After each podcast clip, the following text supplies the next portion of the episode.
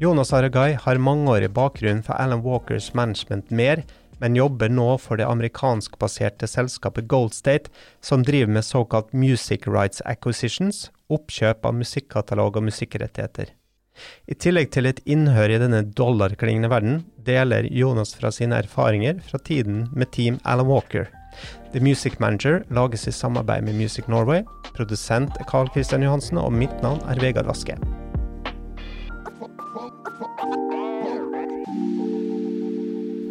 Jonas, velkommen til The Music Manager. Tusen takk. Du, eh, først kan du fortelle litt om Gold State, og eh, hvorfor vel, eh, selskapet valgte å etablere seg i Norge? Ja, det kan jeg gjøre. Eh, Gold State Music er jo et amerikansk investeringsselskap, eller investeringsfond, med fokus på musikkindustrien, eh, herunder rettigheter, musikkrettigheter, men også investeringer i selskaper som eh, har behov for vekstkapital. Og så mm, er det et selskap som ledes av en, en bransjeveteran fra USA, eller han er faktisk sørafrikaner, men har bodd i USA i mange år, som heter Charles Goldstuck. Han har bakgrunn som executive i Capital og Arista, og startet J Records annet, sammen med Clive Davies i sin tid. Og har vært innom mange, mange selskaper som han har enten startet eller ledet, eller begge deler. Uh, og han grunnla Gold State i fjor, sammen med en hovedinvestor som heter Tavistock Group, som er et sånt stort uh, private equity-konsern fra um, England. Som er tungt inne i bl.a. hospitality og idrett og en del andre ting. Um, og de eier også annet et uh, veldig kult musikkstudio som heter Sanctuary Studios i, på Bahamas. Mm. Som er et sånt destinasjonsstudio blant de ledende i verden, egentlig. Jeg vil jo egentlig si at det er vel kanskje bare Miraval Studio i, i, Frankrike, som er konkurrerende, da. Um, så det er uh, tunge og, og, faglig dyktige musikkfolk um, som har gått sammen og startet dette her. Og så er det vel egentlig ikke en Altså, etableringen i Norge er jo ikke noe større enn at jeg tilfeldigvis bor her. Mm. Uh, men det er ikke noe norsk selskap eller et selskap som har kontorer her heller. Nei. Hvor har det kontoret? Kontorer i, i, USA, i New York, eh, og holder oss på å sette opp eh, en base i Florida. Eh, og så er eh, vi akkurat nå vel rundt tolv stykker, eh, hvor de fleste er basert i, i, rundt omkring i USA. Og så er det jeg som bor her, og farter mye dit. Mm. Og så har jeg en kollega i London også. Mm. Mm. Og uh, hvordan var det du kom inn i Gold State, da? Og hva er konkret din rolle? Ja, eh, første investeringen Gold State gjorde, var å kjøpe rettighetene til eh, Alan Walker. Eh, på den tiden så satt jeg på den andre siden av bordet, på salgssiden, eh, og var med og hva skal jeg si, closet den dealen på vegne av Allan og mer management. Um, og i etterkant eller kjølvannet av den prosessen så var jo de klar over at uh, jeg var ferdig i mer, for det var jo noe som var åpent og kjent i, i løpet av den prosessen. Så de tok kontakt og lurte på hva jeg skulle gjøre videre, uh, og var interessert i å ha en prat. Um, så da um, tenkte jeg at det var noe som var spennende, som jeg ville teste ut. Det er jo på en måte en, en, en, en Altså dette med investering i rettigheter er noe som har på en måte vokst veldig i musikkbransjen de siste årene, og det er en reise som jeg tenkte var interessant å være med på. Mm. Eh, og sånn i forhold til min rolle, så altså Tittelen min er jo chief of staff, eh, men hva det betyr, er kanskje litt sånn vagt for eh, mange her, i hvert fall, i Norge. Men det er en flerdelt rolle. Jeg jobber i tospann med Charles, som er min sjef. Eh, aktivt når det gjelder utadgående dialoger mot potensielle investeringer, eh, kreatører vi kanskje vil kjøpe rettigheter fra partnere, investorer og slikt. Eh, og så jobber jeg selvfølgelig med forvaltning av den porteføljen vi har, da, i forhold til å følge opp tredjeparter og sørge for at katalogen utnyttes på best mulig måte, og at det kollektes riktig og slikt. Mm. Så det er, jo, det er jo egentlig, hvis man skal tenke på det fra et music manager-perspektiv, så er det jo fortsatt en slags managerrolle, men her er du en manager for en eh, katalog og ikke en artist. Mm. Men eh, det er fortsatt ganske mange beslektede problemstillinger og temaer eh, man kommer inn på i løpet av en arbeidshverdag. Da. Mm. Mm. Og dere kan kjøpe både rettigheter i publishing og eh, recording og neighboring rights, er det sånn? Ja. Eh, Publishing-rettigheter, eh, innspillingsrettigheter, Mm. neighboring rights, eh, eh, produsentrettigheter eller eh, royalties, eh, altså income rights, da, som det heter. Mm. Eh, så det er egentlig bare litt avhengig av caset til Mm. enhver tid. Og hvordan fungerer i praksis da? Kjøper man rettighetene for evig og alltid? Det er veldig avhengig av hvordan avtalen er skrudd. Det kan være Det er vanlig å gjøre det, ja. Men Mm. det er også muligheter for å kjøpe rettigheter som kanskje reverter tilbake til selger på et eller annet tidspunkt. Mm. Eh, så kan nesten minne om en slags lisens. Eh, men det, det vanlige er nok eh, å kjøpe de for evigheten. Ja. Og eh, hvis det er en slags sånn eh, lisensfunksjon, da vil det si at det eh, vil recoupes eh, på et eller annet tidspunkt, da? Ja, det kommer egentlig an igjen på hvordan avtalen struktureres opp. Mm. Men eh, det er en måte å gjøre det på, selvfølgelig.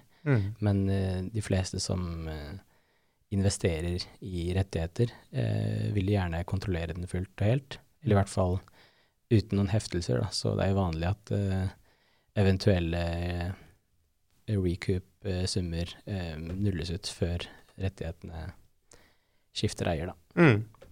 Um, kan du si litt om hvilke kriterier som oppfylles for at uh, dere skal vurdere å kjøpe en musikkatalog?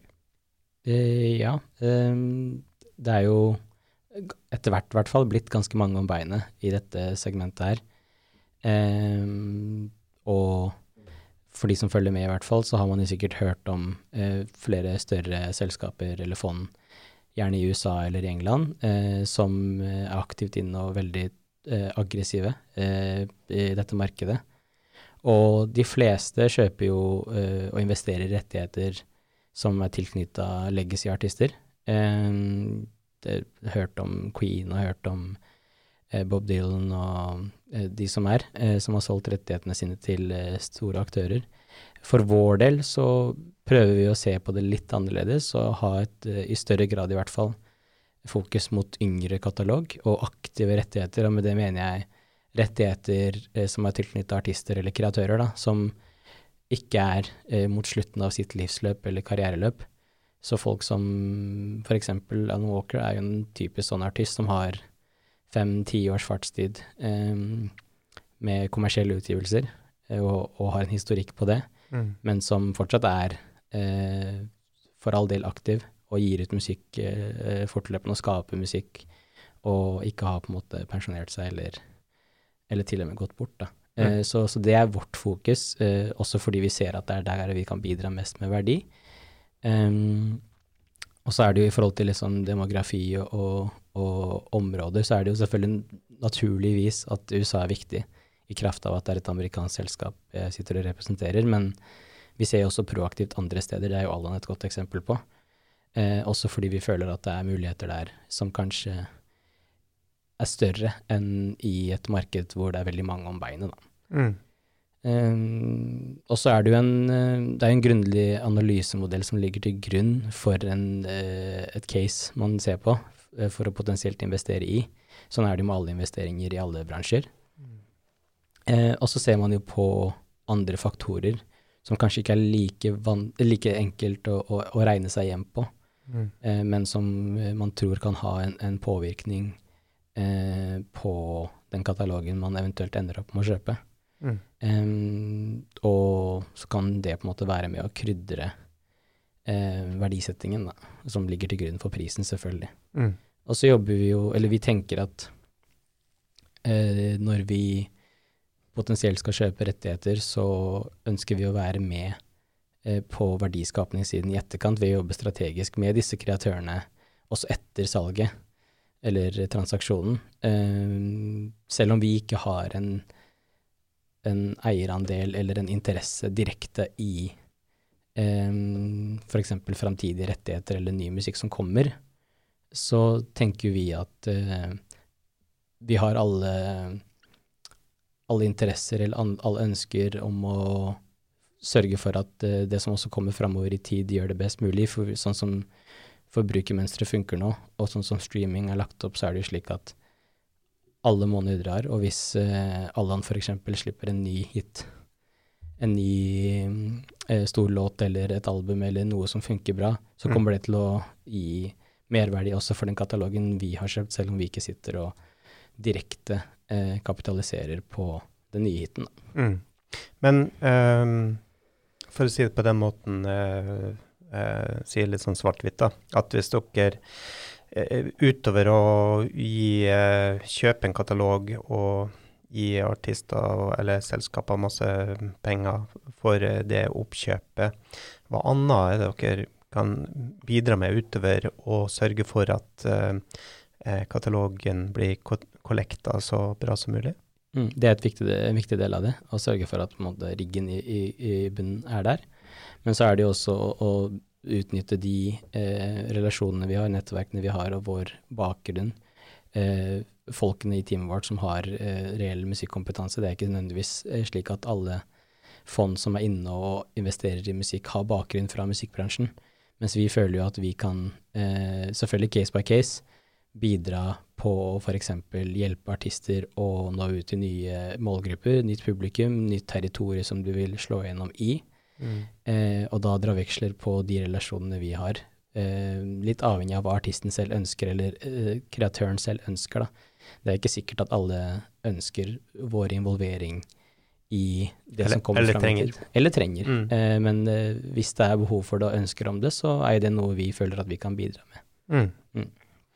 Er det um, Altså, det vi, sånn oppkjøps... uh, altså, katalogoppkjøpsbransjen virker jo veldig primært fokusert på popmusikk og legacy-artister og sånn. Mm. Hva med sånn uh, andre sjangere, sånn, sånn jazz og klassisk? Er det noe dere uh, liksom ser på, eller er det noen som ser på det? Ja, det er det. Eh, vi er ikke nødvendigvis bundet av eller, eller begrenset til en spesifikk sjanger. Mm. Der er det nok mer de andre kriteriene vi var inne på tidligere som eh, er viktigere. Eh, men det er nok eh, aktører som i større grad eh, fokuserer på en spesifikk sjanger, eller en retning i hvert fall. Og så er det naturligvis at eh, man kanskje først og fremst har et fokus på eh, den mest kommersielle musikken, men eh, det er også muligheter i innenfor andre, andre sjangre, andre segmenter innenfor musikk. Eh, filmmusikk f.eks., eller eh, mood-basert musikk som ikke nødvendigvis er tilknyttet artister og, og profiler som sådan, men som har et stort volum og et konsum i, innenfor andre eh, retninger. Da. Så det, det er absolutt muligheter utover bare de største artistprofilene og Mm. deres kataloger. Mm. Og hvor mye katalog har dere kapasitet eller eh, kapital til å kunne involvere dere i? Ja, nå er vi ganske tidlig i, i vår, vår fondsprosess, men eh, altså den fondsstørrelsen og porteføljestørrelsen som vi ser på som ideell eh, når den tid skulle komme at vi har bygget opp den porteføljen, er jo i milliardklassen i norske kroner. Mm. Men eh, det er viktigere for oss med en, riktig sammensetning av portefølje. Eh, ikke nødvendigvis for at det skal selges videre, men først og fremst for at man eventuelt da kan ha større muligheter til å, som en var inne på tidligere, ha disse synergieffektene også mellom ulike rettigheter i den porteføljekatalogen. Mm. Um, så ja, jeg vet ikke om det svarte på spørsmålet ditt, men Mm. det, er vel, eh, det er vel på en måte vår, Mm. vårt tankekors der, da. Ehm, dere har nå kjøpt uh, deler av eh, Alan Walker sin katalog. Er det mm. mye annet på, på gang? Ja, det er et par avtaler, uh, et par kataloger uh, som, eh, som allerede er closet eh, for vår del. Um, og så er det vel en håndfull som er eh, i ferd med å closes nå. Eh, og så er det jo ja, et større antall som er eh, til vurdering, da, hvor vi går gjennom og vurderer caset, brekker ned tallene eh, for historiske data osv for å se på om dette her er noe som er interessant for oss. Um, og så er det jo um, det er ganske mange, uh, i hvert fall etter hvert blitt ganske mange som også aktivt er ute og shopper uh, katalogene sine, så det er jo ganske ofte innkommende forespørsler, i tillegg til at vi også selvfølgelig aktivt identifiserer ting vi syns er interessante, da. Mm. Mm. Ja, hvordan eh, Altså, det her er jo eh, ganske nytt i det norske markedet, for å si det sånn. Hva eh, Hvordan møter den norske bransjen eh, på det her? Altså, er folk åpne, eller er de skeptiske, eller eh, Ja, nå har ikke jeg nødvendigvis vært så mye ute og loddet stemningen, men eh, jeg tror nok at det er en, et behov for eh, hva skal jeg si, en, en, for, en større forståelse for hvordan dette her egentlig funker og hva det betyr. mm. Eh, og det er ikke nødvendigvis eh, begrenset til Norge og, og hjemmemarkedet her. Jeg tror det er eh, bare i, i, i kraft av at dette her er noe som er nytt, eh, så tror jeg det er mange som sikkert eh, prøver å bare forstå hvordan ting funker, mer enn at man er skeptisk, Mm. men heller bare er litt undrende i forhold til ok, men hva, hva betyr dette her, og hvordan angriper man det? Um, og jeg tror også det har noe med dette Eller det at uh, man sånn tradisjonelt sett så har det jo vært en veldig sånn uh, stolthet i å eie rettighetene sine. Mm. Og jeg tror at uh, mange tenker også innenfor musikk spesifikt, i større grad enn eh, f.eks. hvis man har bygd opp et, et selskap fra bunnen av og skal selge det videre, så er jo musikk på en måte hjertebarnet til de som skaper musikken. Og det å skulle selge rettighetene sine er jo Eller vurdere det, i hvert fall. Det er jo som å selge barnet sitt på et eller annet tidspunkt. Mm. Eh, og, og sånn sett så er det kanskje en, en, eh, eh, en nødvendig prosess som må skje i forhold til å bare eh, forstå hva det innebærer. Eh, og det er ikke for alle, men eh, for eh, de som eventuelt ønsker det, eh, av forskjellige grunner, enten det er kapitalbehov eller det er realisering av verdi for å investere videre i karriereløpet sitt, eller i andre ting, så er det selvfølgelig muligheter for dette. Mm. Men, men jeg tror nok det er, det er en, en slags avventende interesse, kanskje. Men jeg tror nok at etter hvert som man hører om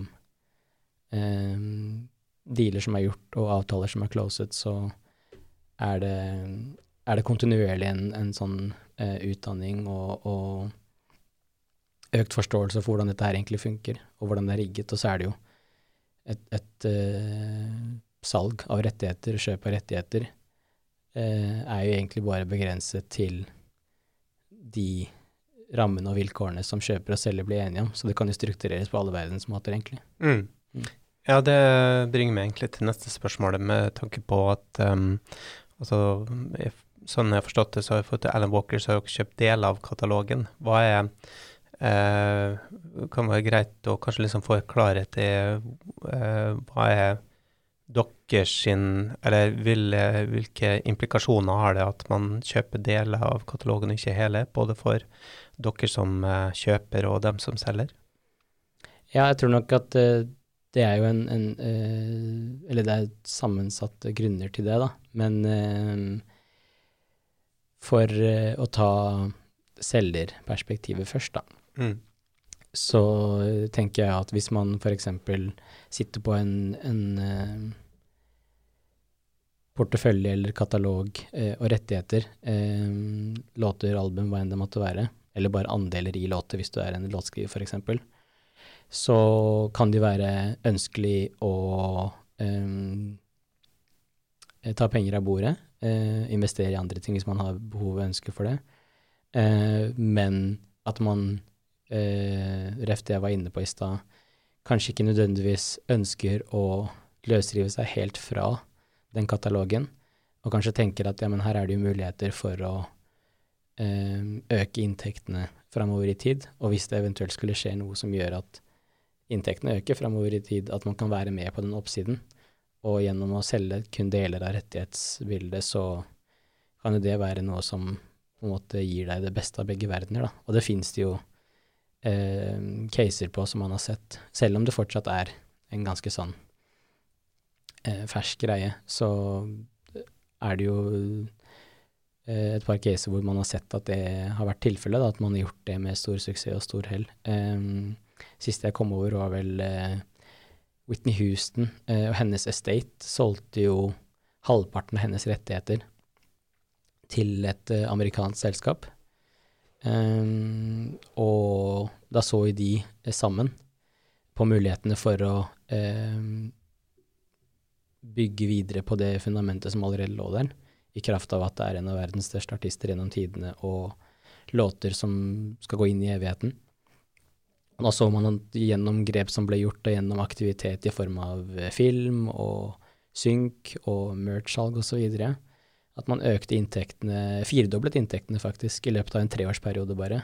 Mm. Og, og, gjennom at de i Estate kun solgte halvparten av rettighetene til dette fondet, så var jo de eh, på en måte delaktige i å se resultatene og være med på oppsiden, da. Um, så det er jo på en måte Det er bare ett enkelt case, egentlig, men det er jo kanskje noe av grunnen til at man ønsker å kun selge deler av rettighetskomplekset og ikke hele. Mm. Uh, men det er jo egentlig veldig individuelt opp til, opp til de som sitter på rettigheten og ønsker å selge det. Det er det samme som at uh, investorer kommer og kjøper seg inn i halvparten eller en fjerdedel av et selskap i vekst, f.eks. Mm. Så det kan jo sammenlignes, egentlig.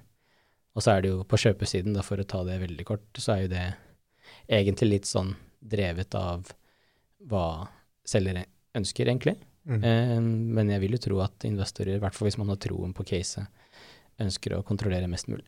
Ja, ikke sant. Du må fortelle litt om eh, hva du gjorde før du begynte å jobbe i Gold State. Ja, eh, det kan jeg gjøre. Jeg um, har jobbet i musikkbransjen i ulike roller egentlig siden 2010-2011. Mm, I starten så snublet jeg egentlig ganske sånn tilfeldig inn i bransjen. Det var ikke noe uttalt mål eller plan eller ønske om det fra min side. Um, men jeg fant jo relativt raskt ut at jeg uh, trivdes uh, i bransjen, uh, i hvert fall deler av den. Um, og også evnet hadde, hadde, på en måte noen skillset som jeg kunne utnytte den bransjen her. Um, men jeg begynte å jobbe med um, en artist, uh, Kave, i sin tid. Um, gjorde det i noen år. Og som et resultat, eller i, i, i, kraft av det, kom i kontakt med Gunnar Greve i 2012, var det vel.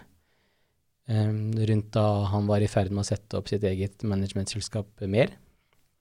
Jeg gikk inn der um, Fortsatte å jobbe med Kave, men gikk inn der og brukte det som en mulighet til å lære mest mulig om bransjen og hvordan ting funker, og det å jobbe med um, artister, ikke bare fra et managementperspektiv, men egentlig fra liksom hele spekteret. Um, og var vel egentlig tilknytta mer uh, først som, uh, som, ansatt, og etter hvert som partner og medeier sammen med Gunnar i ja, nesten ti år. Og så fikk jeg jo da gjennom det eh, mulighet til å være med på hele denne reisen med Alan Walker fra han slapp Faded og til eh, der han er i dag, som eh, jo er en egen podkast i seg selv, egentlig. Mm. Um, og så fant jeg ut at uh, jeg for kanskje halvannen, to år siden uh, ønsket å gjøre noe annet. Uh, skifte litt retning. Um, prøve meg litt andre steder. Um, um, så jeg sa vel egentlig takk for meg i mer. Men noe av det siste jeg gjorde da, uh, før jeg sa takk for meg, var uh, dette rettighetssalget for uh, Allan og mer. Um, og det var jo også sånn jeg ble kjent med Goldset, som jeg var inne på tidligere. Mm.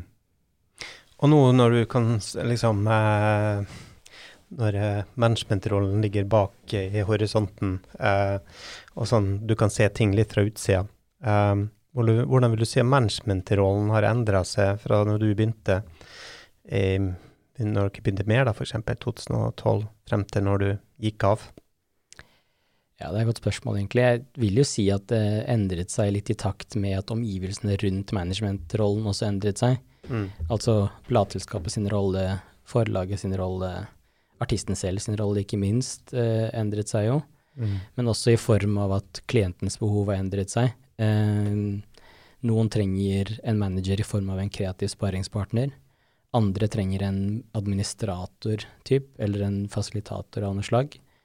Noen trenger kanskje en, eh, en, strateg som kan være med og på en måte bygge, eh, eller stake ut kursen og, og retningssans, egentlig.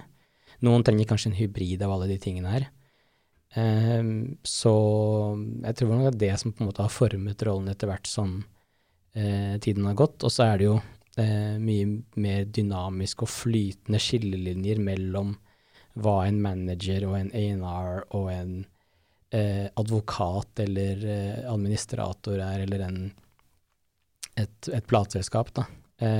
så det er jo kanskje blitt til en slags hybrid av flere ting, mm. det vil jeg si.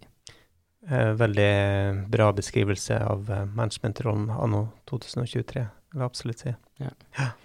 Uh, men hva vil, du, hva vil du savne mest da med å gjøre management, og hva vil du savne minst? Altså Spesifikt fra min tid i MER, så er det jo folkene jeg har jobbet med. Eh, både kollegaer og partnere, men også eh, artistene selv. Og, og låtskrivere og produsenter som vi jobbet tett med.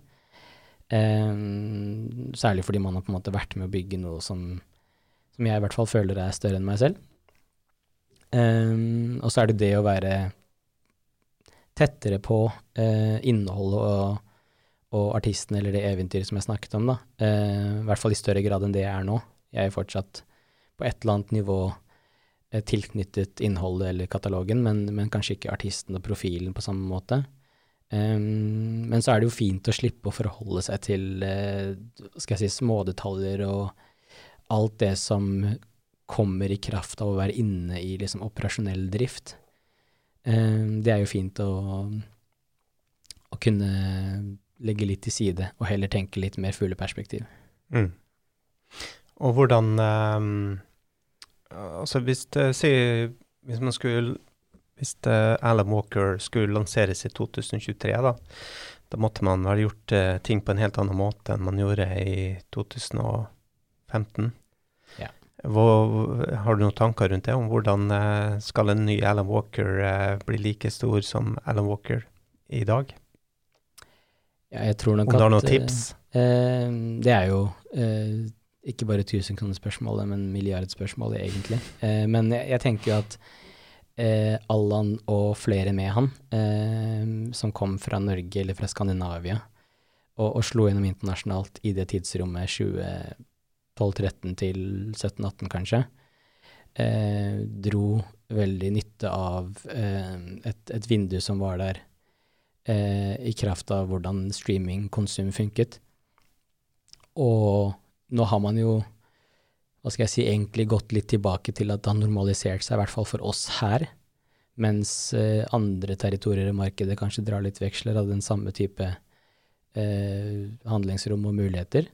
Så jeg tenker at eh, man i større grad må eh, er nødt til å, å, ta de riktige stegene og jobbe slavisk over lengre tid. Eh, og at eh, man kan selvfølgelig få en, en, en hit. alle kan vinne i Lotto, holdt jeg på å si. Men, eh, men, det er større krav til å skulle bygge karriere. Eh, og det er vanskeligere å gjøre det eh, uten å gjennomføre alle stegene, er vel egentlig det jeg prøver å si, da. Mm. at en artist som Allan fikk jo på en måte den, den, den hiten veldig raskt, egentlig som første kommersielle singel. men så så vi også at for at dette her skal være bærekraftig over tid, så er det ikke bare viktig, men det er en forutsetning at man eh, bygger veldig sånn håndfast og, og, veld, og veldig konkret eh, karriere eh, og, og, merkevare og brand utover bare det å prøve å, å, gjenskape den låten to, tre, fire ganger, for det kommer ikke til å skje. Det kan jeg egentlig si ganske sånn eh, med stor sikkerhet eller garanti, da. Mm. Eh, så det er vel eh, Det er vel eh, ja, ikke Det er jo ikke et uh, milliardsvar på et milliardspørsmål, men jeg tror nok at det er Det er i hvert fall viktig at man som artist, eller som bakmannen bak person, tenker litt mer langsiktig, og ikke på en måte prøver å med en gang få the big break. Da. Og det er det jo caser her hjemme som, viser, man, som man kan vise til, som på en måte har jobbet litt på den måten. Mm. Um, som jeg tenker at uh, det er fint å kunne se litt på og, og, og, lære av. Men jeg tror nok at uh, det er ganske annerledes nå, også fordi det er nye plattformer, nye kommunikasjonskanaler, nye forbrukermønstre. Man har vært gjennom en pandemi som har påvirket folk psykologisk kanskje mer enn man tror. Så det er litt andre hensyn å ta nå enn det det var for ti år siden. Mm. Men eh, hvordan ser du for mulighet, mulighetene for eh, norske artister og selskaper med internasjonale ambisjoner sånn generelt da, nå? Jeg tror de er der. Jeg tror det er vanskeligere, men jeg tror de er der. Mm.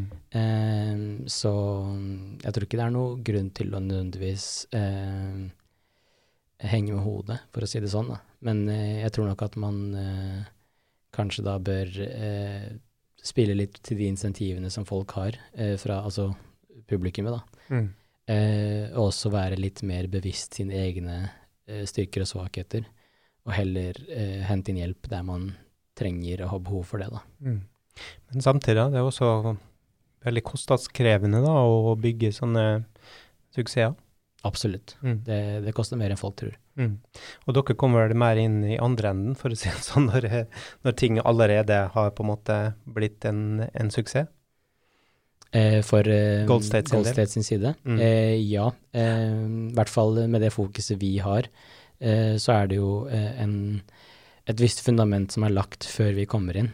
Mm. Eh, og så føler vi at vi kan være med og dra det videre til andre, tredje eller fjerde nivå. Mm. Men, eh, men, det også krever jo en, en form for investering. Mm. Det er jo eh, mange aktører i Music Rights Acquisition-gamet. Altså, jeg får jo sikkert én eh, mail i måneden fra et nytt selskap som uh, vil kjøpe katalogen til mine klienter. Jeg skal faktisk ha en call i dag klokka fire, liksom. Uh, men og i den inflasjonen av kapital og selskaper som, som driver med det dere driver med, da, hvordan skal dere rise above the crowd? Det er et godt spørsmål, egentlig. jeg tenker jo at noe av konkurransefortrinnet vårt ligger jo i at det er direkte og relevant førstehåndskunnskap fra, fra bransjen eh, og, og, musikkbransjefaget i forhold til å kunne utnytte den katalogen videre. Eh, det er mange som eh, er inne og investerer i rettigheter som ikke nødvendigvis kommer fra denne verden, og som kanskje ikke har forståelse for hvordan ting henger sammen, eller hvordan man skal utnytte, utnytte de mulighetene som er der, og hvilke fallgruver man skal styre unna. Så det tenker jeg jo er, en, eh, er et, et, viktig faktor, da. Men så er det også det vi har vært litt inne på tidligere, at hvis eh, selger eh, eller rettighetshaver som ønsker å selge katalogen sin eller rettighetene sine, har et ønske om å jobbe videre, eh, og ikke nødvendigvis bare cashe inn og eller cashe ut, eh, og, og dra, henge på en strand, så er jo vi en, en fin sparingspartner og en, en, partner generelt i forhold til å kunne eh, se litt på hvordan man kan eh, ta det fundamentet som allerede er bygget av eh, artisten og, og, teamet rundt, eh, og, og, ta det til neste nivå gjennom eh, spesifikke eh, tiltak. da. Mm. Enten det er i form av å administrere katalogen bedre og systematisere den biten, eller det handler om å hjelpe folk å breake inn i nye markeder, eller det handler om å revitalisere en katalog som kanskje har ligget litt eh, stille en periode, da. Så vi liker å se på transaksjonen som et startskudd, egentlig, for vår relasjon med selgeren, ikke nødvendigvis målstreken, hvis du skjønner hva jeg mener. Mm. Eh, et, eh, et, siste spørsmål. Hvordan eh, ser du på det å liksom være basert i Norge i forhold til å jobbe internasjonalt med musikk? Liksom, hvordan, hvilke fordeler og bakdeler har det? Um, jeg tror jo Der kan jeg egentlig svare litt både i kraft av den rollen jeg har nå, men også uh, rollen min fra tidligere av, mm. hvor jeg også var basert i Norge og jobbet veldig internasjonalt. Jeg tenker at det er en, en fordel i å kunne hva skal jeg si, jobbe litt i ro og fred, og ikke være der det er mest støy. Mm. Eh, og kunne jobbe litt mer fokusert og målrettet da, med det man holder på med. Eh, jeg tror jo at det på sikt vil gi bedre resultater. Men så er man jo avhengig av å eh, samtidig være eh, til stede på de arenaene hvor, eh, hvor ting skjer og avtaler eh, settes og, og ny eh, kurs stakes ut da, for bransjen, enten det er de største markedene eller emerging markets, egentlig. Eh, så, så, jeg tror nok at eh, ja, fordelen er nok å, å kunne sitte her og, og, og, kanskje kontrollere det bedre. Jeg føler jo at eh, hvis man skal se litt på hvordan vi jobbet med Allan da jeg jobbet med han, eh, som, fra managementperspektivet, så var det jo lettere for oss å på en måte kunne eh, forvalte det vi hadde bygget sammen, og ha litt bedre kontroll på det herfra. Og også sørge for at større deler av verdiskapningen kommer tilbake igjen til Norge. Mm. Eh, enn hvis man skulle flagget ut eh, og kanskje outsourcet mer av eh, tjenestene eh, til eksterne aktører, eh, enten det er i USA eller andre steder. Mm. Så jeg tror nok det har en Det var en viktig faktor for oss, det kan jeg jo si. Mm. Men er det ikke en fare nå at, at masse rettigheter blir flagga ut da, med, gjennom Gold State f.eks.? Ja, det er det jo. Det kommer litt an på hvordan man, uh, man strukturerer de avtalene. Som sagt, så er det jo slik at uh, på et eller annet vis så kommer de alltid til å skje. Uh, som f.eks. med Allan, så var jo han signert til et uh, utenlandsk plateselskap. Nå var det i Sverige, da. Mm. men det var et, ikke et norsk plateselskap, eller stor distributør i hvert fall, som, som forvaltet de rettighetene, selv om mer har vært basert i Norge, da. Mm. Eh, men jeg tror nok at eh, gjennom eh, å dra veksler på de merverdiene som skapes eh, gjennom en slik suksess, eh, så tror jeg det kan være med på å, å, å bidra til økt verdiskapning i Norge. I, i, i case Aldan spesifikt så var det jo slik at eh, i hvert fall lenge har vært viktig for, for Allan og for mer, i hvert fall da jeg var der. og jobbe med lokale eh, aktører, enten det er låtskriver og produsenter, eller det er eh, eh, vokalister, eller det er eh, live crew og, og, og, regnskapsfører, eller hva det måtte være, mm. for å kunne sysselsette flere folk her også, og ikke bare eh, gå for billigste løsning, som ville vært å hente inn utenlandsk arbeidskraft, egentlig. Mm. Um, så jeg tror nok at det er, det er, flere muligheter for å sørge for at man ikke bare tømmer landet for et etter, for å si det mm. sånn. Ikke sant. Og alt henger sammen med alt. Jo, absolutt. Mm. Tusen takk, Jonas, for at du kom på besøk til oss. Takk for at jeg fikk komme. Det var hyggelig.